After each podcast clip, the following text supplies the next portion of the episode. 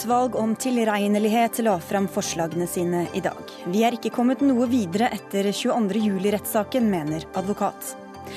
Det kan ikke bare være statens ansvar å gi kultur og omsorg til eldre, mener Civita-rådgiver. En tanke som bryter med den norske modellen, svarer Arbeiderpartiet. Det blir stadig flere enkeltpersoner som begår terrorisme, og det gjør angrepene vanskeligere å unngå, viser ny terrorstudie. Og Bibelselskapet samler inn penger til bibler til ebolarammede. Hårreisende og helt feil bruk av penger, mener Norsk Folkehjelp.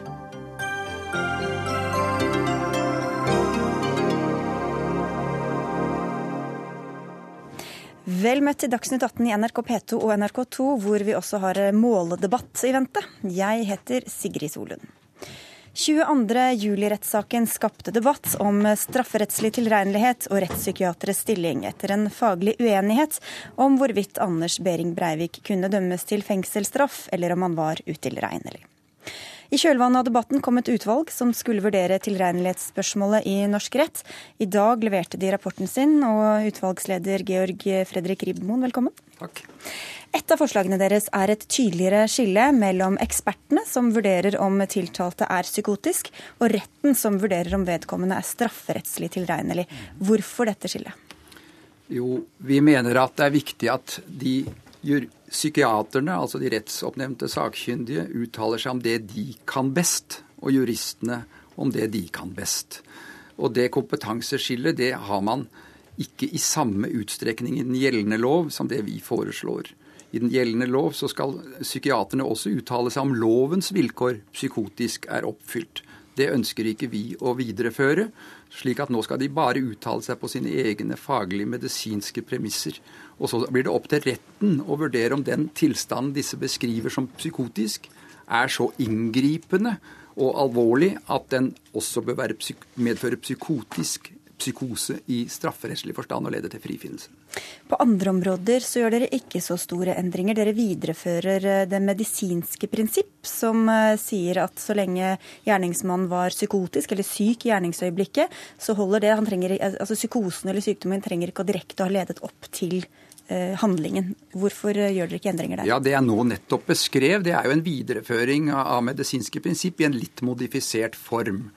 Når ikke vi har gått videre og, og nær sagt eh, ønsket å innføre det mange land har gjort, om at det ikke er tilstrekkelig til straffrihet at det er en psykotisk lidelse i, i, i gjerningsøyeblikket, men at det i tillegg skal være krav om en årsakssammenheng mellom denne lidelsen og handlingen, så har det eh, sammenheng med at vi mener at denne tilleggsvurderingen som kommer inn, den bygger på et meget dårlig empirisk, altså erfaringsmessig fundament, og er dårlig fundamentert i fag, og den bygger mer på eh, spekulative forhold.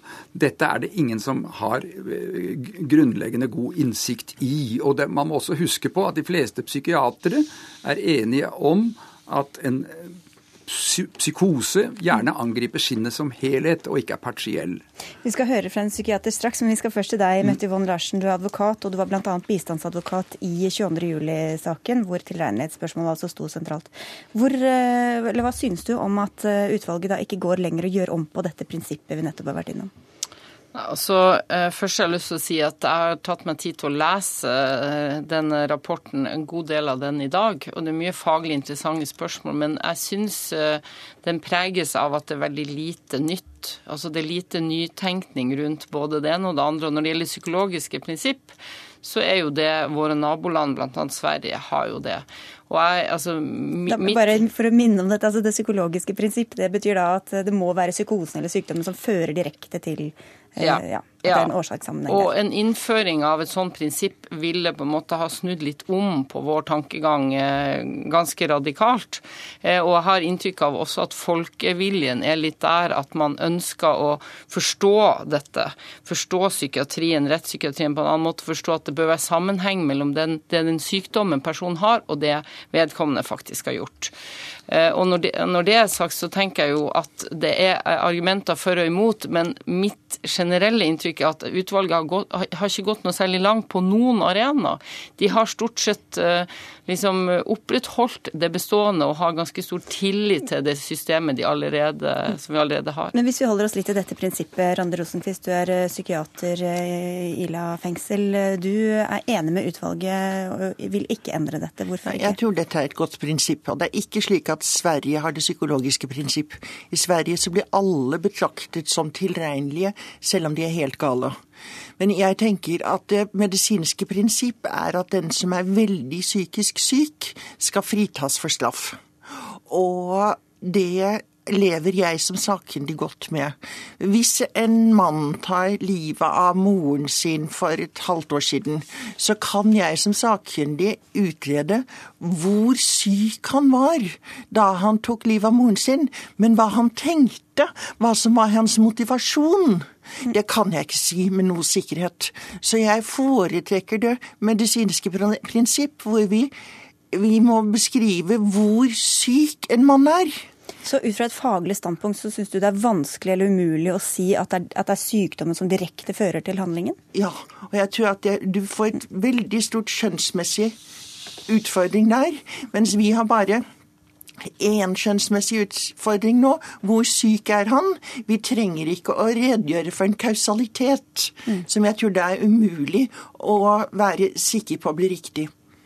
Men dette er jo ikke noe verre. Altså sånn, vi, vi, er jo ikke liksom alene i verden til å skulle gjøre sånne vurderinger. Andre land mener jo at de er i stand til å gjøre den type vurderinger. Og andre land mener at det også gir en, en rimelig balanse mellom hensynet til lovbryteren og hensynet til andre. Så jeg tenker at, at, det burde vi også kunne klare. Det samme systemet som de har i andre land. Og når dere har sammenlignet og sikkert sett på praksisen i andre land, vil jeg tro, hvorfor har dere da landet som dere gjorde? Vi har gått meget grundig inn i andre land. Uh, andre lands ordninger som bygger på dette blande prinsippet som det her snakkes om. Og Vi har ikke funnet grunnlag for å innføre det. og Vi vet også at i Danmark er det under kritikk. De ønsker å, der er det forslag om å innføre det medisinske prinsipp, som vi har hatt i Norge. Og jeg vet at fremtredende amerikanske rettsteoretikere og jurister mener at det medisinske prinsippet i Norge er forbilledlig. Så dette er en internasjonal debatt i at ikke vi har foreslått noe nytt. Det er jo ikke noe verdi i seg selv å foreslå noe nytt. Men man går inn i en grundig drøftelse av det eventuelt nye, og syns ikke det er godt nok. Det er det utvalget har gjort, og er enstemmig på dette Men punktet. Men svarer dere på den debatten som gikk under 22. juli-rettssaken, hvor vi opplevde den uenigheten og alt det som Den gjaldt ikke dette. Det andre sider ved utvalget, rettspsykiatriens rolle. Der kommer det mye av den debatten inn. Og det er en del av utvalgets arbeid. Jeg syns det er viktig å presisere at det det dreier seg om nå, er å beskrive hvor syk skal man være for å være fritatt for straff. Og det er ikke nok å ha en diagnose, en psykosediagnose. Og jeg vil jo si at 95% av de som har en schizofrenidiagnose i dag, vil jeg anta er tilregnelige. Mens den lille gruppen, de, fav, de 5 prosentene, de kan være så syke at de i dag er utilregnelige.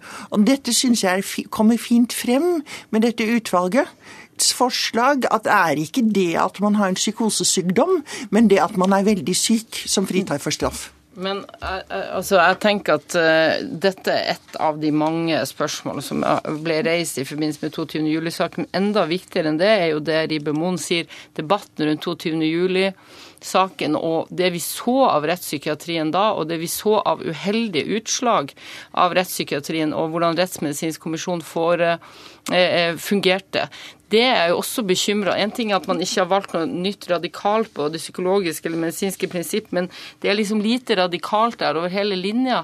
Så f.eks. i forhold til rollen til Rettsmedisinsk kommisjon, så er det nesten ikke gjort noen ting med den. Hva, hva, hva, var kritikken mot nei, den kommisjonen? Kritikken mot Rettsmedisinsk kommisjon var jo at dette var fagfolk som foreslo hverandre, og som ble valgt inn, og at de ikke var skolerte nok til å gjøre den jobben sin. Og, og, den, og, og det har vært diskutert i utvalget man skulle ha en jurist som leder av den kommisjonen. Det har man ikke ville eh, gått videre på. Og Man foreslår samtidig at saken skal tilbake til dommerbordet, men da må man på en måte på det forberedende stadiet gjøre noe for å kvalitetssikre. Og det er min største bekymring. Jeg vil gjerne komme tilbake til et punkt her. Hvis man uh, Yvonne Larsen ønsker altså innført et sånt tilleggskriterium i tillegg til den alvorlige psykiske lidelsen nær sagt, som er er aktivt til stede på gjerningstiden, så skal det foretas en tilleggsvurdering om sammenheng Men da vil jo, ja, det jeg er redd for ved det, det er at da vil psykiaterne ta tilbake sin makt. For retten like, den har like lite grunnlag for å uttale seg om dette som psykiater, men den vil spørre psykiaterne er det i dette tilfellet sammenheng mellom lidelsene. Da får vi psykiaterne inn på den veien igjen, og retten vil legge det til grunn. De sier selv om ikke de har empirisk grunnlag for å gjøre det. Ja, jeg er ikke helt enig i det. fordi at hvis man, eh, hvis man ber retten om å gjøre en tilleggsvurdering, har handlinger på, har syke, eh, syken påvirka handlinger, så tenker jeg at det er nettopp en sånn skjønnsmessig vurdering som retten er minst like god til å gjøre som en psykiater. Så jeg tror nok tvert imot. Nei, men minst like dårlig, da. Eller minst like god. Vi må avslutte denne runden med Randi Rosenkvist. Det er også mange som har reagert på frykten for at eh, mennesker som har vært begått alvorlige handlinger, kan slippe ut for tidlig, langt tidligere enn det ville gjort hvis de fikk en fengselsstraff. Hvordan svarer de på altså, det? Den altså, de som er utilregnelige, de er jo uskyldige. Akkurat som tiåringer er uskyldige strafferettslig sett. Og hvis det er fare for, om, for samfunnet, så kan de bli dømt til tvungen psykisk helsevern. Og nå foreslår utvalget en litt innskjerping av kontrollen der, hvilket kan være forstandig. Men det jeg syns er viktig å understreke, er at hvis vedkommende blir frisk og ikke lenger er til fare, så er det jo ikke slik at han skal straffes ved å bli i psykiatrien. Så jeg skjønner at pårørende synes at det er leit at en drapsmann er blitt frisk etter tre år og kan gå på kino, mens deres pårørende er døde for alltid. Men som samfunn så må vi være veldig glad når psykotiske lovbrytere blir så friske at de ikke lenger utgjør en fare for samfunnet. Men her skjerpes altså kontrollvirksomheten litt. Er det du som bistandsadvokat også fornøyd med det? Ja, altså Vel, nå er jeg jo her som på en måte meg sjøl og advokat på begge sider av bordet. Jeg, jeg, ser ikke at eh, kontrollen blir så mye bedre. Jeg syns at hele rapporten preges av en altfor stor tillit til det nåværende systemet, og ikke minst også en stor tillit til påtalemyndigheten. Dette er helt feil, det Yvonne Larsen der sier. Det er, vi utvider betraktelig om anvendelsesområdet for de tvangstiltak som kan iverksettes overfor utilregnelige. I dag er det krav om at det skal være begått f.eks. drap, alvorlige seksualforbrytelser øh, og meget alvorlig voldskriminalitet for at du skal kunne bruke disse tvangstiltakene. Vi senker den terskelen helt ned til en alminnelig, vanlig voldskriminalitet kan lede til dette, etter vårt forslag, forutsatt at de er farlige. Og dessuten dessuten griper vi inn i legens suverenitet og bestemmer utskrivning. De kan bli holdt på rettens nåde, nær sagt, for å bruke det uttrykket, på ubestemt tid. Altså, Jeg er ikke så opptatt av den enkelte lovbryter, hva man gjør med den. Jeg er opptatt av hvordan rettspsykiatrien skal komme videre etter en veldig trist og tung debatt som forstumma etter 22.07, og ikke hva man gjør med den enkelte lovbryter. Jeg står ikke her og mener at lovbrytere skal utsettes for mer tvang enn nødvendig. Jeg er opptatt av rettspsykiatriens renommé, og det renommeet blir ikke bedre, tror jeg av det som foreslås her. Vi skal videre. Vi må si tusen takk for at dere kom, alle tre. Georg Fredrik Ribbemoen, Randi Rosenquist og Mette Yvonne Larsen. For hva denne rapporten kommer til å føre til av eventuelle lovendringer, blir nå opp til politikerne.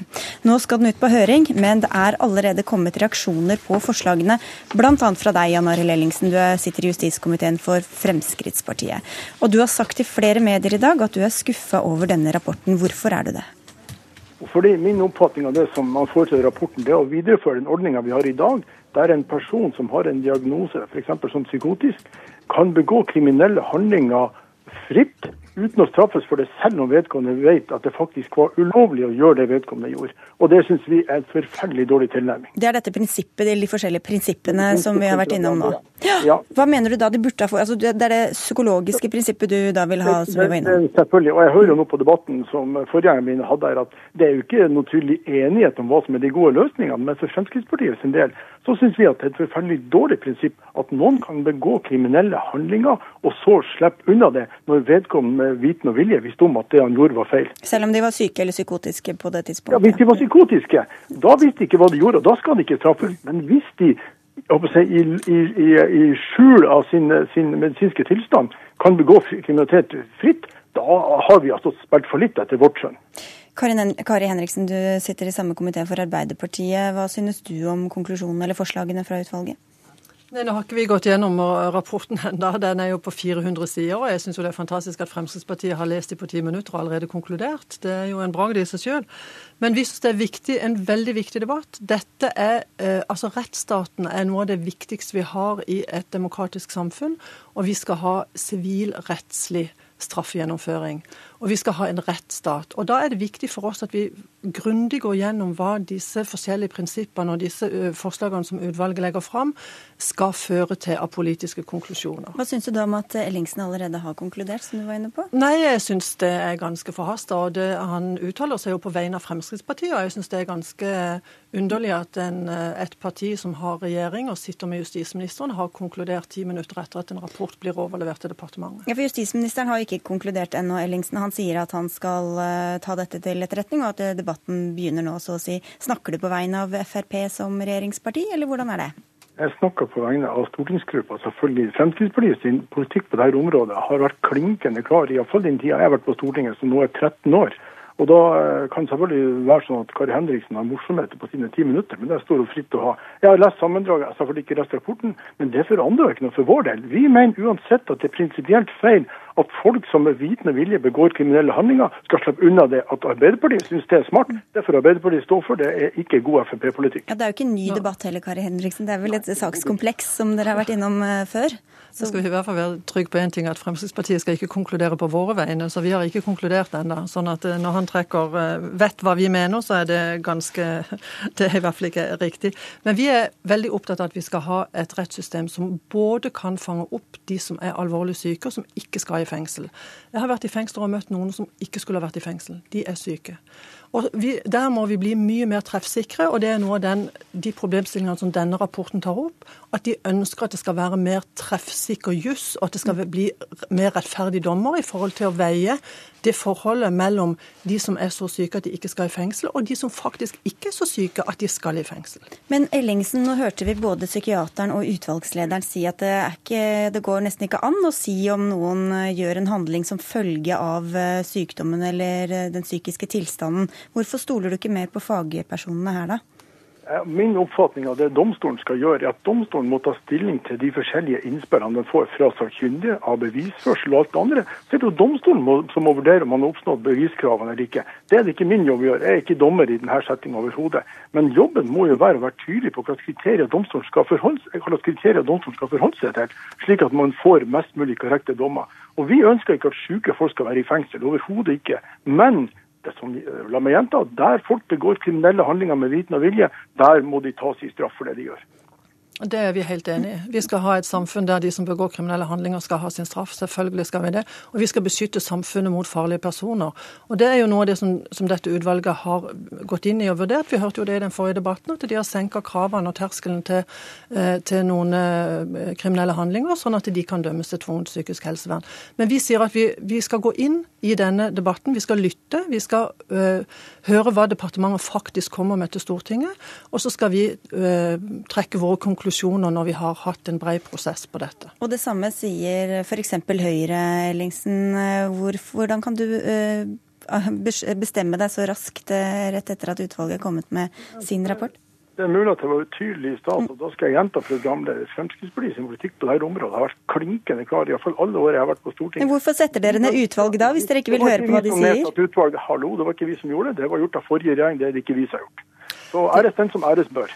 Men jeg syns jo dette, dette, føyer seg inn i, i, eksempler på at den eh, nye regjeringa ikke er opptatt av det som faktisk kommer av faglig og vitenskapelig materiale, men konkluderer bare ut fra ideologiske eh, prinsipper. Vi syns det er viktig å få dette utvalget. Det var stor debatt i samfunnet når vi hadde 22.07, også før det har vi hatt debatt om rettspsykiaternes plass i rettssalen f.eks. Her kommer utvalget med noen anbefalinger og noen breie debatter, og vi ser nå er det debatt mellom advokater her, og det syns jeg er kjempebra. Vi må ha inn brukerne i, i, forhold til psykisk helsevern, og vi må få en ordentlig debatt om dette, for dette er et viktig tema som vi på Stortinget skal fatte, fatte avgjørelser på, og da trenger vi en bred samfunnsmessig debatt. Og Nå kommer det altså noe fra justisministeren din etter hvert, Ellingsen, og det blir vel ikke helt likegyldig hva han sier kanskje heller? Det gjør det selvfølgelig ikke, men til syvende og sist så er det vel sånn at uh, hos oss at stortingsgruppa har uh, rimelig stor innflytelse på det som kommer og skal vedtas på Stortinget. Og jeg regner med at justisministeren er opptatt av å ha en god dialog med Stortinget, også innen eget parti, fordi at det ofte er svært lurt. Da sier vi tusen takk til dere i denne runden, og det blir sikkert flere av eh, dem i månedene som kommer.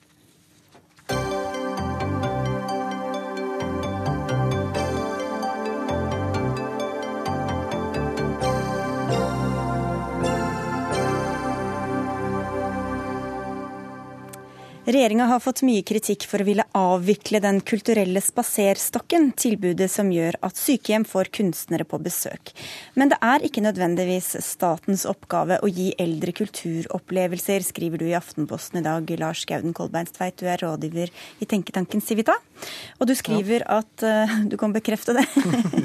Du skriver at staten står altfor sterkt når vi diskuterer kultur, omsorg og fellesskap i Norge. Hvorfor mener du det? Jo, det jeg har reagert på i debatten, det er jo ikke det at dette kuttet kommer, at jeg vil støtte det fullt og helt. Jeg kan forstå at folk reagerer på kuttet, men i den debatten som har oppstått omkring kuttet, så syns jeg det er interessant at eh, i debatten og i mange kommentarer som har vært i mediene, så blir ikke eh, forholdet mellom det eh, private eller sivilsamfunnets ansvar på den ene siden og det offentlige ansvaret for for de eldre drøfta noe særlig. Og jeg syns at eh, det offentlige skal ta et stort ansvar for de eldre sitt helsetilbud og de eldre sitt omsorgstilbud. Men eh, det må begrenses eh, av ulike grunner. Den ene kan være samfunnsøkonomiske grunner, men òg at det har en egenverdi at frivilligheten, at sivilsamfunnet og familiene stiller opp og, og, og og også ta vare på de eldre i samfunnet. Hva, hva er det du forventer fra de pårørende f.eks. av kulturtilbud til de eldre? Ja, altså Av rene kulturtilbud, altså at hver enkelt pårørende skal gå inn og underholde sin bestemor på gamlehjem. Men det blir kanskje litt karikert. Det er ikke det jeg mener, men det er mer at frivillige organisasjoner kan stille opp, at pårørende kan hjelpe eldre ut på kino eller kunstutstilling eller på eh, kjøretur langs fjorden, hvis det er det foreldrene liker osv. Men òg at eh, større frivillige organisasjoner eller kulturen selv kan selge kulturtilbud til eldre. Altså, det er jo ikke gitt at det offentlige trenger finansiere Den kulturelle spaserstokken heller. Mm. Mye av tilbudet kan sikkert fortsette med, med privatfinansiering eller finansiering fra de pårørende. Torgeir Micaelsen, du sitter i helse- og omsorgskomiteen for Arbeiderpartiet. Hvorfor er dette en offentlig oppgave i stedet for at eh, private initiativ kan eh, spleise litt på dette? For det første, så jeg synes det er, noen, det er en interessant debatt, men jeg syns den si, løftes på feil premisser. Fordi man får inntrykk av når man hører Civita og andre snakke om pårørende og familiens plass i omsorg i Norge, som at det er et sånt enten-eller, og at vi liksom plasserer vår eh, ja, far eller mor på et gamlehjem, og så det, reiser vi på hytta, som han skriver da. Sånn er det jo ikke i Norge. Den måten vi organiserer omsorg, ehm, helsetilbud for de eldste, er et, i stor grad et veldig stort samspill mellom pårørende og eh, det offentlige. Jeg så tall i dag som viser at Helse- og omsorgsdepartementet selv anslår at mens det er i offentlig regi ansatt kanskje 130 000 mennesker i kommunene i Norge, så anslår de at eh, antall årsverk som frivillige, altså pårørende og nære eh, ja, familiemedlemmer, bidrar med, er 100 000, altså nesten like stort. Eh, og så tenker jeg at disse kulturpengene, for å ta det som et eksempel, dette er et veldig godt eksempel på hvordan du kan få til veldig mye for en veldig smart måte å organisere det på. Jeg er helt sikker på at mange av de si, sykehjemmene så er det mange pårørende som også har tatt med seg de som er nest sykest, og de som kan være med på kino i familiebursdager. Ja, for det er ikke alle som er flyttbare, for å si det sånn. Nei, det er jo det, og det, ikke sant? så det er tilbud til de, men, men, men, det skjer jo også i stor grad. Men hvis du da skulle ha, ha sånn innsamlingsaksjoner, eller at private skal liksom inn og spleise på og organisere dette på egen hånd, så vil jo det være mye mindre smart. Eh, så for det første er dette småpenger, dette er, gir masse livskvalitet, og er en smart måte å organisere mer livskvalitet på, sammen med familiene og de enkelte enkelte på sykehjemmene. Og det er jo ikke alle som har pårørende, og kanskje noen har pårørende som ikke har tid, eller som ikke har penger. Eh, hvordan skal du gjøre dette uten at det blir veldig store skiller eh, i ja, eldreomsorgen? Jeg kan skjønne den innvendingen og, og, og, dette med at uh, det er noen som ikke har så mange pårørende osv. Men uh, på den annen side så er jo den private kjøpekraften og, og folk arbeider i, i, snitt mindre enn før, så vi har mulighet til å ta mer ansvar for foreldre. Og Jeg er helt enig med Michaelsen at det er jo allerede mange som tar et ansvar. og Det er jo ikke sånn uh, som jeg skriver i en artikkel at absolutt alle sitter på hytta i helgene og ingen besøker sine foreldre. Men det er forskning bl.a. fra NOVA fra 2009 som viser sammenligna en del land i Europa, syv ulike land. og Der kommer Norge dårligst ut når det gjelder holdninger til det å ta vare på sine egne eldre. Og, og, og, og selvfølgelig kan det være et godt sam, sam, samspill her mellom uh, offentlig sektor og sivil sektor. Jeg utelukker ikke altså at, at Eh, Michaelsen snakker her om enten-eller, og at Civita setter opp det skillet her. Det er jeg eh, ikke enig i. Det blir litt karikert. Jeg mener at det kan fungere en del samarbeid, men jeg syns at vi må drøfte disse grensene. Og disse grensene for det offentlige ansvar vil bli mer og mer aktuelle, hvor, eh, hvor mer eldre det blir i samfunnet. Og vi får dårligere råd i velferdsstaten, Michaelsen.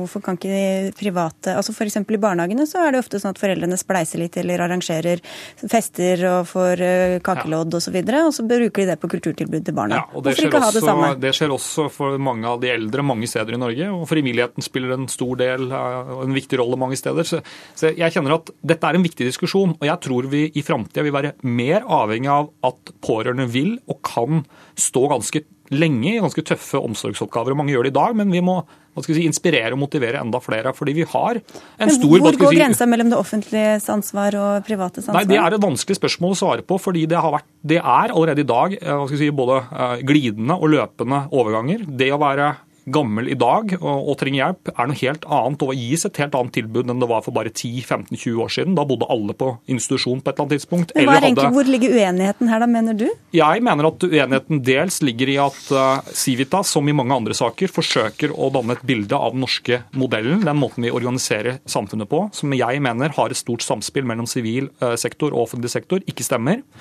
Og dels underkommuniserer det at vi i framtida, helt riktig, vil ha ganske store utfordringer med å finansiere og organisere oss. Da må vi tenke på hvordan vi kan gjøre det, uten at vi skylder på båten og lager et samfunn der jeg synes i hvert fall det tyder på at flere skal liksom privatfinansiere ting. Jeg synes at den modellen vi har i dag, den er bærekraftig hvis vi organiserer oss smartere, tar i bruk teknologi og gjør ting på en smartere måte. Eh, ja, jeg kan være eh, til dels enig i mye av det Michaelsen sier her, men, men jeg mener likevel at det har en viss egenverdi at det sivile samfunn og de private engasjerer seg sterkere. og det har vært et problem. Men Hvordan vet du at ikke de gjør det i sterk grad allerede? De gjør det en... in, in, Oi, nå Du har fått den dårlige stolen. jeg har fått den dårlige stolen. Ja, der, det er den de bruker for å komme på Nytt på Nytt. Ja, den kommer på Nytt på Nytt. Det viser bare hvor god kontroll sosialdemokratiet har i NRK.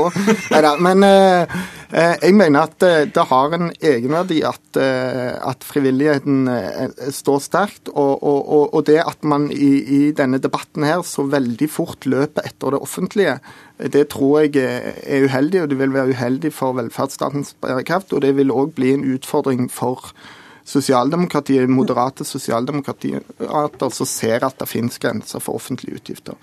Ja, og det jeg mener at et en av de tingene vi må ta inn over oss, det er at vi skal eh, Nå prøver du å få opp stolen igjen, ja?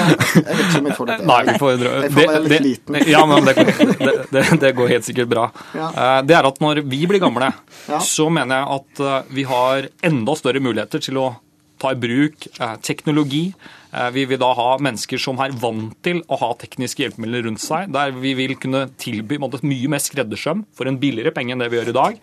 Eh, så jeg er ikke så Altså, jeg er bekymra, men dette er det mulig å løse uten at du må ta fra folk den kulturelle spaserstokken og lage karikaturer av hvordan det er i dag. Pårørende i dag gjør en kjempejobb, og vi skal ha mer av det i framtida. Vi er nødt til å avslutte, men du får få et siste ord, siden du ble så veldig lav der. Jeg karikerer ikke. Jeg mener at det er mange som tar ansvar for foreldrene sine, men vi kunne gjort mer. Det viser en del statistikkundersøkelser.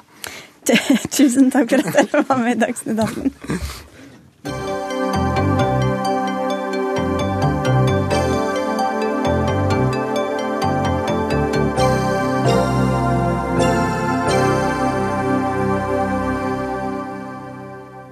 snart spør vi i Dagsnytt 18 om det er store, blanke dyreøyne som sørger for engasjement hos følsomme dyrevernere, eller om de er mer prinsipielle enn som så. Men før det. Midt under ebolakrisen ber Bibelselskapet nå om penger til bibler til dem som er rammet. I en annonse i Vårt Land ber de folk sende en SMS og betale 60 kroner for tre bibler. Dette skal deles ut i Liberia sammen med litt mat og håndsprit. Og Hva synes du om en sånn forespørsel slik situasjonen er nå, Katrine Rådem? Du er utenlandssjef i Norsk Folkehjelp. Altså Norsk Folkehjelp ikke, eh, jobber ikke i ebolarammede land i Vest-Afrika, så sånn sett er det på en måte kanskje enklere for oss. Eh, vi konkurrerer ikke om de midlene. Eh, men eh, det jeg er opptatt av, er de overordnede spørsmålene om det er hva som er viktigst i humanitære kriser. Ebola er en stor humanitær krise. Det handler om liv eller død for mange. Og hva er det vi da må samle inn midler til og bruke givergleden til? For meg handler det om å bruke givergleden til å redde liv, først og fremst. Og ikke først og fremst penger til bibler? Ja. Um, Ingeborg Mongstad Kvammen, du er generalsekretær i det nevnte Bibelselskapet. Hvorfor bruker dere ikke heller energien på å samle inn penger til utstyr og medisin enn til bibler? Det er viktig eh, tror jeg, å forstå at når en katastrofe rammer, så er det ulike behov som melder seg. Eh, og primærbehovet er jo helt klart i Vest-Afrika medisinsk. Eh, og hvis du skal se det i en større sammenheng, så er det jo òg et stort behov for å endre Eh, urettferdigheten i verden, rett og slett. Rik-fattig-problematikken i verden. Når det er sagt, så eh, opplever Bibelselskapet i Liberia stor pågang og en markant øka etterspørsel etter bibler. Og da kan en jo spørre seg hvorfor er det de kristne vender seg til kilden for sin tro når katastrofer rammer. Og vi ser det i Vest-Afrika, men vi ser det jo òg i Syria og Ukraina og andre steder der det er andre typer kriser. Og jeg tror det handler om at en finner styrke til å leve det livet en må leve der en er. En finner trøst, en finner håp. Og da har vi valgt å respondere på den katastrofeappellen som har kommet fra Bibelselskapet i Liberia. Og hvorfor er det nødvendigvis noen motsetning mellom å samle inn penger til bibler og samle inn penger til utstyr eller medisin? Vi vet jo at eh, i alle humanitære kriser så er det en kamp om å få inn nok midler nettopp til å redde liv. Eh, og det handler Det er det samme enten det er i ebolarammede land eller det er i Irak eller Syria, som også nevnes her. Vi jobber i Irak-Syria. Jeg kom akkurat fra Irak. Eh, de har ikke verken klær, utstyr eller mat til å gå vinteren i møte. Og hvis du står overfor mennesker som på en måte mangler det mest grunnleggende, Eh, og også står overfor en mulig død i form av en sykdom som også kan hindres ved hjelp av medisinsk utstyr, medisinsk personell osv., så, videre, så mener jeg at da er det én ting som er vår plikt å sørge for først, og det er at alle midler som er mulig å få ut, eh, må gå til å redde liv, først og fremst. Så det er en grense for hvor mye folk gir? Tenker du på at Det er ikke liksom ubegrensa hvor mye Det er ikke ubegrensa, det vet vi. Og vi vet jo at vi sliter med å få inn nok midler eh, både til eh, ebolarammede land, men også til andre kriser rundt omkring i verden. Jeg ser ikke helt motsetningen, jeg, rett og slett. Jeg tror det er ulike behov som melder seg. og Eh, vi, vi, vil jo ikke gjøre dette på bekostning av andre typer innsamlinger, og oppfordrer jo gjerne folk både til å gi til Folkehjelpen og til Leger uten grenser og Metodistkirken og andre som er enten i ja, Nå var ikke dere i Vest-Afrika, da, men de andre jeg nevnte, er det. Eh, eh, men jeg, jeg, tror kanskje at i Norge er det litt vanskelig å forstå dette. At, eh, at, den, at det åndelige behovet òg er ganske prekært. At det òg melder seg når situasjonen er som den er. Og jeg, jeg tenker det blir litt arrogant av oss å ikke svare på den forespørselen vi får fra, eh, fra eh, Liberia når det gjelder dette. Og så tenker jeg at vi kommer altså fra verdens rikeste land. Vi har da Eh, råd til å gi så det monner både til Leger uten grenser, Røde Kors og, og Bibelselskapet og andre.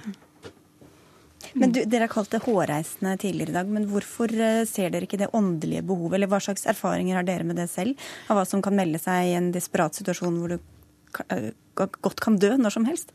Altså hvis, Altså Nå kommer jeg som jeg sa rett fra Irak. og Hvis du da spør mennesker, eh, enten det er Irak eller de som har smittede mennesker rundt seg eh, i forhold til ebola, hva de mest trenger Altså trenger du mest medisinsk utstyr, trenger du mest mat, klær, sko for å overleve vinteren, så er jeg ganske sikker på hva folk først og fremst vil svare. Da vil de svare at de trenger mat, de trenger klær, de trenger sko, de trenger medisinsk utstyr, medisinsk helsepersonell. Eh, det jeg tror at det vil være alltid hovedprioriteten, å overleve først framfor de Altså du har liksom ikke behov for de åndelige eh, verdiene hvis du ikke først og fremst overlever. Så enkelt er det som er. At en har behov for begge deler. Så har vi ulike roller, tenker jeg. Altså, det vi er gode på, er bibler. Eh, så skal det òg sies at, at, både i Vest-Afrika og for så vidt i det arbeidet vi har i Syria, så har vi jo et helhetlig perspektiv på hva vi gjør. Så med disse biblene blir det òg gitt mat og håndsprit. Men vår primærkompetanse er jo ikke helse. Men dere har også vært engstelige for at dette kan føre til misjonering i en sårbar eller desperat situasjon? Altså, det er jo et eller annet med lenken. Altså, selv om du på en måte sier at du gjør det bedre ved å dele ut håndsprit og mat og sånn samtidig, så kan du jo selv med det oppleve at det kanskje kan være en litt vanskelig link ved at du gir noe og samtidig gir med en, en bibel, ikke sant? i den forstand at eh, noen kanskje vil oppfatte det, det som selv, at, at, eh, det er religionen som vil på en måte redde deg, eh, og du får en forpliktelse i forhold til å tenke i religiøse eh, sammenhenger når du da får en gave. Eh, det er jo lett å påvirke mennesker som er i en sårbar situasjon. Og det syns jeg jo i utgangspunktet at man helst ikke bør Eh, gjøre. Den linken er jeg helt enig i. Den er ganske komplisert. Eh, det som er viktig for oss å, understreke, er at dette er jo kristne i Liberia som venner seg til kilden for sin tro. Eh, og det tenker jeg blir litt litt annet perspektiv. Da. Men vet du at det er bare de, altså Målet deres er å samle inn 35 000 bibler, etter hva jeg har forstått. Hvordan vet du at det er så stort behov for de biblene at alle dem som får det, da ønsker det eller bedt om det på forhånd? Jeg kan jo ikke garantere at alle som ønsker det, får, men, det, men behovet baserer seg jo på det behovet Bibelselskapet altså innmeldt til Bibelselskapet i Liberia. Da. Hvor mange har dere fått så langt? Kampanjen er jo internasjonal. Den går gjennom alle 147 bibelselskap. Ehm, her, vi har samlet inn Vi har jo bare hatt en ett døgn nå, så vi har samlet inn litt over 7000 kroner på ett døgn. Mm. Vi får uh, takke dere begge for at dere var med i Dagsnytt 18. Ingeborg Mongstad Vammen fra Bibelselskapet og Katrine Rådum fra Norsk Folkehjelp. Takk. Takk.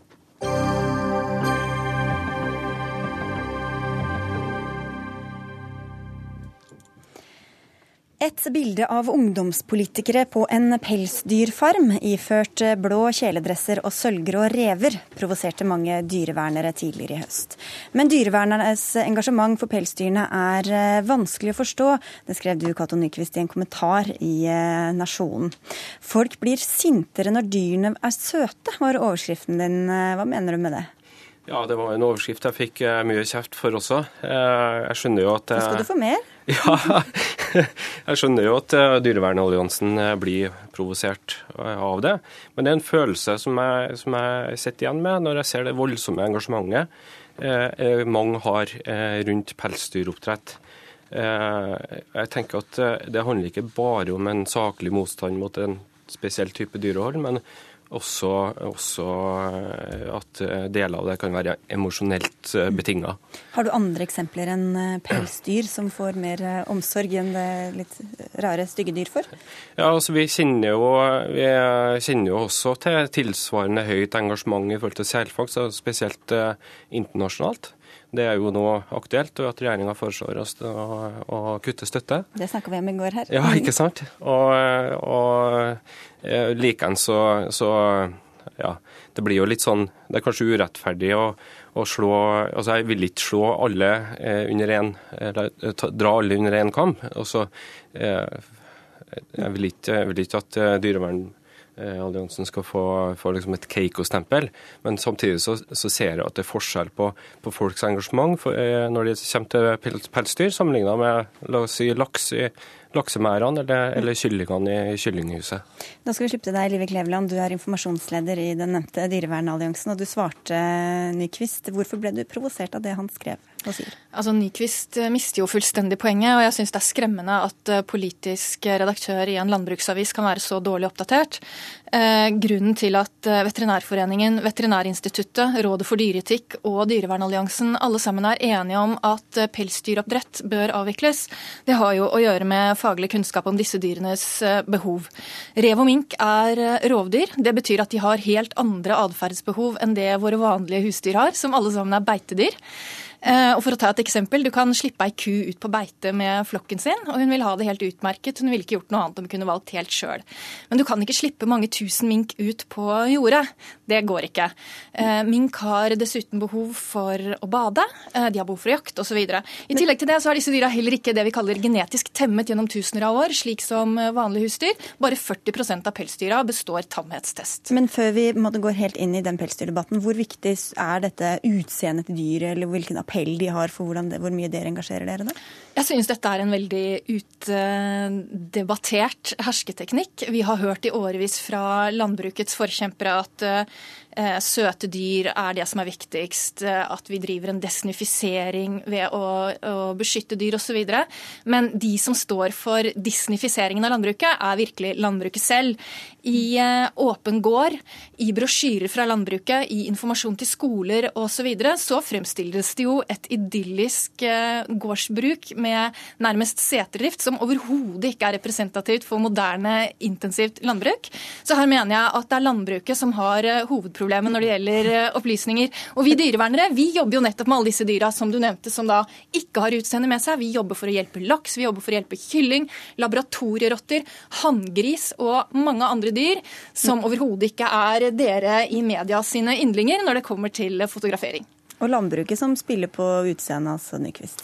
Ja, jeg vet nå ikke helt det. Eh, også Utgangspunktet for, det, for at jeg skrev den kommentaren, var jo at, eh, at, det var Unge Høyre som hadde vært ute på og besøkt en, en pelsdyrfarm. Og så hadde de tatt bilde av seg sjøl og lagt ut på Facebook. Og Det vakte jo så sterke reaksjoner på Facebook på deres side at de ble nødt til å ta det av nettet. Og, og, og det var en annen dyrevernorganisasjon som også kritiserte Unge Høyre for, men, for men hva sier det utover at mange er mot pelsdyrhold, da? Nei, altså, jeg tenker, at, jeg tenker at, at, man her har en forestilling om at, at pelsdyroppdretterne driver med noe som man skal skamme seg over. Og Da vil jeg minne om at det er en legal næring som eh, produserer eh, legale produkter, og er internasjonalt eh, sett etter høye standarder. Men, men, det er altså det folkelige engasjementet som du mener da primært er utseendefiksert, ikke så mye Live Kleveland og hennes Ja, jeg så syns det er påfallende at, påfallende at akkurat denne type produksjon får så mye motbør, når, når også næringa kan vise til, til at de stilles overfor eh, stadig sterkere krav. Eh, ingen annen dyrehold som blir kontrollert så mye. Og de har relativt få skader sammenlignet med tidligere. Jeg regner med at du har fulgt med skyts mot pelsdyrnæringa, men bare før deg, tror du at det har noe med det folkelige engasjementet å gjøre? Altså hvordan dyrene ser ut eller ikke ser ut? Jeg tror det folk engasjeres av, er at dyrene blir påført lidelse. Det har vi god erfaring med i Dyrevernalliansen. På våre Facebook-sider har vi totalt over 300 000 følgere, så vi vet mye om hva folk reagerer på. De reagerer på at dyr lider, uh, uavhengig om det er en kylling eller en rev eller ei ku. Eh, og at det er såpass mye empati i befolkningen, det er bra. Og eh, all erfaring tyder på at eh, folk som engasjerer seg for dyrevelferd, de er også ofte engasjert i andre godsaker. I humanitært arbeid, i miljøvern. Man er ikke empatisk bare med én, man er som regel det over hele linja. og Derfor tror jeg også at nasjonen bør være glad for engasjementet når folk ser dyremishandlingen i pelsdyrnæringa. Er glad? Nei, jeg hilser jo velkommen en saklig debatt. og Jeg skal jo ikke frata verken Dyrevernalliansen eller andre dyrevernorganisasjoner de saklige argumentene mot pelsdyroppdrett. Eh, jeg har et eh, mer pragmatisk syn, så lenge det her er, som sagt, legale produkter. Og, og, og det produseres etter altså, internasjonalt sett høyere standarder her enn ute, så, så syns jeg at eh, næringa bør ha en framtid her. Ja, det er jo eh, veldig omdebattert om pelsdyroppdrett fortsatt skal være lovlig. Eh, Bl.a. Arbeiderpartiet går jo inn for eh, en avvikling av pelsdyroppdrett. Det gjør også Venstre, SV og Miljøpartiet De Grønne. Pelsdyroppdrett er også blitt helt eller delvis forbudt i flere av våre naboland, bl.a. Danmark og Sverige. Så at folk reagerer, og at det vil etter hvert føre til en avvikling av pelsdyroppdrett i Norge også, det er vi i Dyrevernalliansen helt overbevist om. Pelsdyroppdrett er dyremishandling og er noe helt annet enn vanlig landbruk. Vi må avslutte. Nå ble, du, nå ble nasjonen eh, pelsdyroppdretternes eh, forkjemper her, eh, Nyquist, men det lever du kanskje greit med? Ja, jeg får tåle det i dag. Takk skal du ha for at du kom. Takk skal du også ha, Live Kleveland fra Dyrevernalliansen.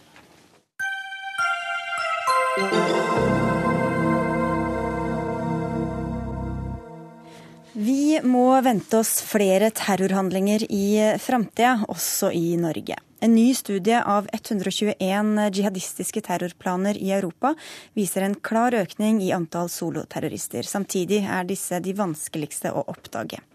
Du er en av forskerne bak denne undersøkelsen fra Forsvarets forskningsinstitutt, Peter Nesser. Hvorfor er det blitt vanligere at enkeltpersoner utfører terrorangrep alene? Det er mange grunner til det, men eh, det viktigste er nok eh, en strategisk og taktisk tilpasning til eh, kontraterrortiltakene som er satt inn mot jihadistiske nettverk. I tillegg så er det sånn at jihadistene i mange år har skrevet strategiske tekster om at i en situasjon der de ikke kan kontrollere territorier, så vil det være hensiktsmessig for dem å drive sånn såkalt lederløs motstand. sånn at de er oppfordra til terror utført av uavhengige celler i, i, i mange år. Eh, I tillegg til det så, så er det sånn at eh, Al Qaida-nettverket har funnet fram til en del gamle teologiske tekster som, som rettferdiggjør eh, drap på, eh, på, personer som har fornærmet profeten Mohammed, og at dette er en individuell plikt. Og Det er også noe som de har lagt veldig mye vekt på i propagandaen sin. Og så Et siste moment er Eh, dette med at eh, jihadisme eh, og ekstremisme har blitt mer utbredt i sosiale medier. Og at en del helt uavhengige sympatisører eller ustabile personer også kan, kan bli inspirert til å gjennomføre ting på egen hånd. Hvor vanlig er det å planlegge og eventuelt også utføre sånne tiltak, eller terrorangrep uten å ha noe nettverk rundt seg? Er, eh, altså, man skiller gjerne mellom soloterrorister og ensomme ulver. Og Soloterrorister er eh, personer som opererer på egen hånd, men som da har en tilknytning til et organisert nettverk, og gjerne får støtte fra et organisert nettverk. Eh, og ensomme ulver er de som, som opererer helt eh, isolert fra organiserte nettverk. Eh, når det gjelder ensomme ulver, sånn som Breivik eh, er et eksempel på, så er, de, er det nokså sjelden fenomen. Eh, de aller fleste som gjennomfører enkeltmannsterrorisme, er personer som, har, eh, som, kommer fra et ekstremistisk miljø, og som får en eller annen form for støtte. Tidligere så har jo bl.a. Eh, Al Qaida gjennomført hva skal vi si, storslåtte angrep som nå tydeligvis blir vanskeligere å gjennomføre. Hvordan ser de på at enkeltpersoner da gjør ting litt sånn på egen hånd? Al Qaida-nettverket har nok en litt eh, ja takk, begge deler til, eh, til holdning til, til, dette.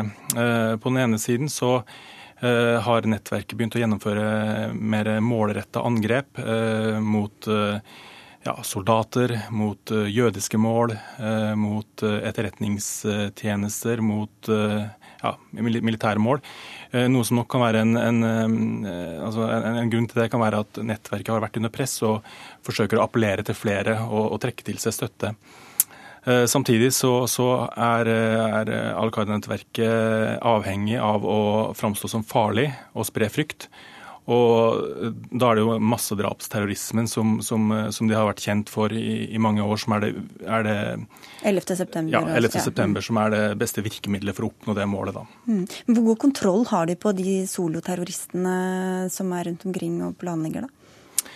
Det varierer. altså I, i, noen, i noen, tilfeller så, så, er det jo snakk om at uh, soloterroristene har en helt konkret direkte kobling til sentralorganisasjonen i Al Qaida, eller en annen uh, likesinna uh, jihadistgruppe, uh, også da denne nye islamske staten som, som, har vokst fram i Irak og Syria.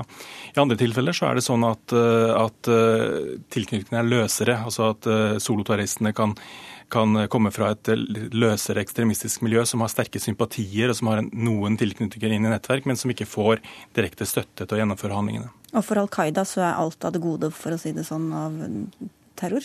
Så lenge de, de aksjonene gjennomføres innenfor måte, rammeverket av deres ideologi og, og deres målsettinger, så, så, er dette noe som de, eh, som de oppfordrer til, og som, som, de ser på som et gode. Ja. Terroristene dør jo ofte også i angrepene selv. Hvordan, hva er det som tiltrekker folk inn i, inn i å gjøre noe sånt? Eh, det er veldig mange grunner til at folk eh, blir med i disse nettverkene. Det kan være alt fra måte, sosial misnøye, gruppetilhørighet. Det er veldig mange årsaker som trekker folk inn. Men det er klart at når du kommer til det punktet der du, der du skal utføre voldsaksjoner, så, eh, så, er det nok sånn at de som, som gjør det, er dypt ideologisk indoktrinert og tror helt og holden på at de er et redskap for Gud, og at de gjennomfører handlinger som skal gi dem en plass i paradiset. Eh, det er i hvert fall sånn de framstiller det selv, og vi har ikke noen eh, mulighet til å på en måte si at de ikke tror at det er sånn. Men har vi eksempler på noen som har ønsket å utføre en terrorhandling, og så har de feiga ut i siste hold, som jo da kan bli en verdifull eh, for motparten, for å si det sånn, hvis de blir tatt? Altså, det er jo mange eksempler på, på, terrorister som har hatt uh, tvil helt til siste øyeblikk uh, når de skulle gjennomføre aksjoner. Blant annet en av uh, disse selvmordspilotene som gjennomførte 11.9, var jo i tvil helt til i forkant av aksjonen. Og det er jo også spekulert i om en av disse, disse, fire som gjennomførte angrepene i London i 2005, om han trakk seg fra aksjonen, for han, ble da, han, han forlot den gruppa som gjennomførte bombene på T-banen og virret rundt og gikk inn på en McDonald's bl.a. før han sprengte seg selv i lufta på en, på en buss. Men for, men for Al Qaida-nettverket vil jeg jo tro at det da utgjør et slags faremoment. Så hvordan kvalitetssikrer de på en måte hvem som skal utføre disse oppdragene og ikke? Eh, det gjør de gjennom å forsøke å indoktrinere og trene personer og sosialisere de til å handle i tråd med, med retningslinjene som, som, eh, nettverk eller gruppa eller, mm. forholder seg til. Da. Dere har også sett en økning i angrep som retter seg mot spesielle grupper i samfunnet. Du var litt inne på det, altså jøder, militært personell. Hvorfor er det blitt mer målretta angrep på den måten? Eh, jeg tror det har eh, eh, å gjøre med at flere av, av jihadistgruppene har i mange år vært, vært under press pga. kontraterrortiltak. og Bl.a. så har Al Qaida-nettverket, det sentrale Al Qaida-nettverket har jo litt mange tap i, i, Afghanistan og Pakistan, der det har blitt utsatt for dronekampanje fra, fra USA. Og i et sånt miljø, da, sikkerhetsregime, så, så Eh, så er eh, organisasjonen nødt til å gjøre ting for å overleve. Og eh, Al Qaida ble jo kritisert en god del for disse store massedrapsaksjonene, nettopp fordi at de rammet også muslimer, ikke bare vestlige. Eh, mens ved, ved, å da eh, fokusere på mål eh, som er mer legitime i henhold til deres ideologi, så kan de da på en måte øke potensialet for støtte og, og trekke til seg nye rekrutter. Helt til slutt, Petter Neser. Det er eh, et av målene selvfølgelig for terrorister å skape frykt i befolkninga. Vi ser også nordmenn reise til Syria. Det er mange som blir usikre og redde. Men går det an for noen å verge seg mot terrorangrep eh, som kan ramme helt tilsynelatende blindt, i hvert fall, i samfunnet?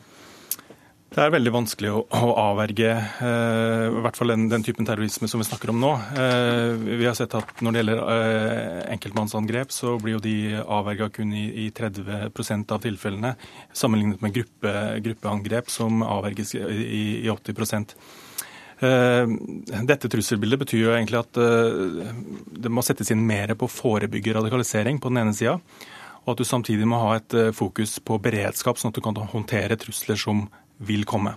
Tusen takk skal du ha, Petter Nesse, for at du kom til Dagsnytt 18.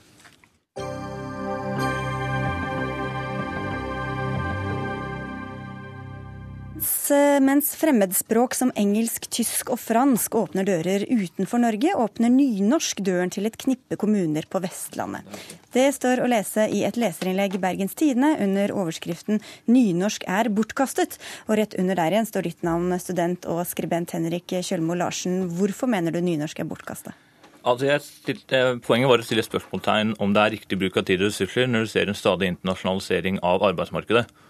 Og Da mener jeg det kan være en fordel å fokusere mer på engelsk eller fremmedspråk. Som jeg sier, det åpner mange flere dører enn nynorsk gjør. Mm. Du sendte dette, du bor i Tønsberg, men du sendte, sendte dette innlegget til Bergens Tidende. Det, det kan man jo spørre seg hvorfor du gjorde det? Jo, jeg tenkte det at altså når jeg satt og skrev det, så vil de gjerne ha reaksjoner på det du skriver. Og når du skal kaste en brannfakkel, så burde du kaste den et sted den brenner godt. Og det tror jeg traff på den, altså. Peder Losnes Hauge, du er lærerutdannet, men bruker for tida kompetansen din eh, for Venstres bystyregruppe i Bergen, og en av dem som tente av denne fakkelen. Hva var det som hissa deg opp i innlegget? Det som hisser meg opp i innlegget hans, er jo det at eh, han eh, er ett av han, han, leverte ett av mange innlegg i rekka som er et direkte angrep på det moderne bruksspråket til over 600 000 nordmenn. Han skal nå ha for det at han var ærlig og mente det var bortkasta. Eh, og han må gjerne kaste brannfakler til Vestlandet, men eh, på Vestlandet regner det, så han må være forberedt på at det blir sløkt ut. Men eh, hvorfor skal karakteren i en språkform som relativt få bruker, da være avgjørende for utdanninga og karrieren din, og muligheten for å studere ut, i utlandet, som vi hørte?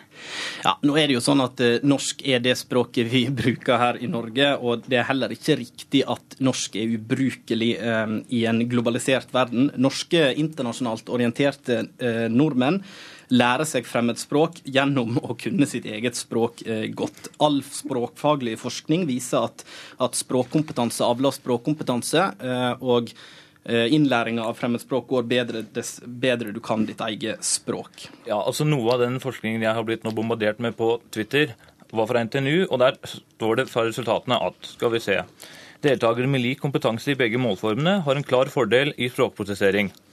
Og da med utgangspunkt i min situasjon da har du kompetansemålene for allmennfaglig påbygg VG3. Der omfatter kun 4 av 38 kompetansemål nynorsk. Og vi hadde 10 timer, timer norsk i uken, hvorav 30 minutter er avsatt til nynorsk. Og da trenger du faktisk ikke være språkprofessor for å skjønne at denne likekompetansen ikke oppstår. Og da må du eventuelt ha flere timer hvis du skal kunne oppnå denne effekten som det snakkes så mye om. Men du sier i innlegget ditt at uh, nynorsk bare åpner døra inn til Vestlandet. Men, men opp, hvor mange dører åpner du ved hjelp av bokmål, for å si det sånn? Ja, altså, det er jo, jeg burde kanskje presisert det bedre, men det er jo sidemål versus hovedmål. Og selvfølgelig skal man kunne sitt eget språk, det er ingen som har sagt noe annet. Det er folk på et billig poeng. Men jeg mener det at når du har en stadig mer internasjonalisering, internasjonalisering av arbeidsmarkedet kan være fordel å kunne flere språk, rett og slett, mm. enn hovedmål sidemål. Ja, Lofsnes Hauge, hva sier du til det? Ja, jeg er helt enig i det. og ha, Jeg er også for flere timer med fremmedspråk og tidligere, men, eh, men, han må velge om han vil holdt på å si, kaste hele norskspråket på båten for eh, kun eh, utelukkende opplæring i fremmedspråk, eller om han vil styrke opplæring av norsk som i dag. Han sier sjøl at, at, det er for lite tid til opplæring sidemål, og jeg er helt enig med han. Jeg mener vi bør begynne med sidemålsopplæring enormt mye tidligere enn det vi har i dag. Mm. I dag begynner de fleste i niende klasse. Da skal du eh, sliter med å lære inn en helt ny målform. Så vi bør begynne med det tidligere, vi bør ha det i flere fag, og vi bør eksponere alle elevene. Da mindre, altså. Da er jeg veldig interessert i hvor du skal ta de timene fra. Kan du svare på det, da? Jeg kan jo si deg det at, at uh, læreplanen i norsk er omfattende, og det kan godt hende det er mange deler av, av læreplanmålene som en kan uh, ta opp og flytte på, eller eventuelt ta ut. Men jeg vil jo si at av alt det vi putter inn i den norske offentlige skolen, så er opplæring i de offisielle skriftspråkene en ting jeg virkelig mener bør ha plass i norskfaget. Nå sier Kjellmo Larsen i denne artikkelen eller innlegget at nynorsk er en vakker målform. Hvor formildende er det, syns du? Nei, det er ikke formildende i det hele tatt. Det er en klam omfavnelse av språket mitt. Det er, bokmål, nei, det er nynorsk er fint i diktargumentet. Og hvis han virkelig mener det, ja, da bør han virkelig gå inn for, for tiltak som kan uh, styrke nynorsken sin posisjon i skolen og i samfunnet, ikke svekke.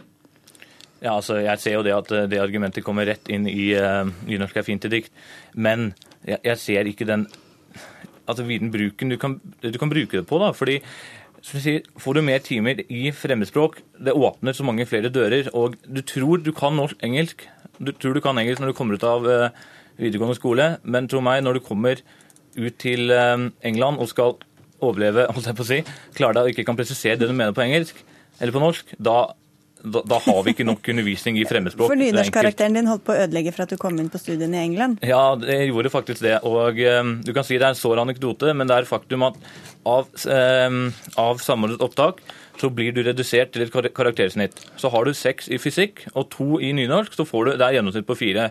Og det, det, det, altså det skjønner jeg ikke at det skal ha noe for seg. Mens hvis du søker i England, så skriver du et motivasjonsbrev, og da kan du presisere hvorfor du fikk de karakterene. Og det er faktisk ikke relevant for meg når jeg skal inn på å studere business management. Så du hørte at å, det var bare nynorsk, så brydde det seg ikke om deg likevel? Helt riktig. Lofsnes Hauge, hva sier du til det? Ja, Det er helt greit. Og Jeg vil jo si for det første at eh, engelskkompetansen til norske elever er ganske god. Eh, for det andre, Kjernen i dette her er at vi har to offisielle skriftspråk og målform av norsk. Eh, og Det skulle bare mangle at den offentlige skolen gir elevene opplæring i det. Hvis Kjellmo Larsen er opptatt av nynorsken og syns det er en fin målform, ja da bør han gå inn for å styrke det. Og hvis du skulle fått deg en jobb i det offentlige f.eks., så måtte du jo kunne beherske begge målformer. Ja, men jeg kunne beherske det hvis det hadde, som, eh, hvis det hadde vært eh, valgfag på videregående. Kunne jeg gjort det. ja, da kunne du ikke tatt deg jobb nødvendigvis da, hvis du hadde valgt Nei, men da satser jeg ikke på jobben i offentlig. Vi får si takk for denne måldebatten i denne omgang. Skal dere, takk skal dere ha, Henrik Kjelmo Larsen og Peder Lofsnes Hauge. Dagsnytt 18 er ved veis ende for i dag. Vi er tilbake i morgen klokka 18 som vanlig. Det var Alf Farskent som hadde ansvaret for innholdet i sendinga. Teknisk ansvarlig var Finn Lie, og i studio satt Sigrid Elise Solund. Thank you.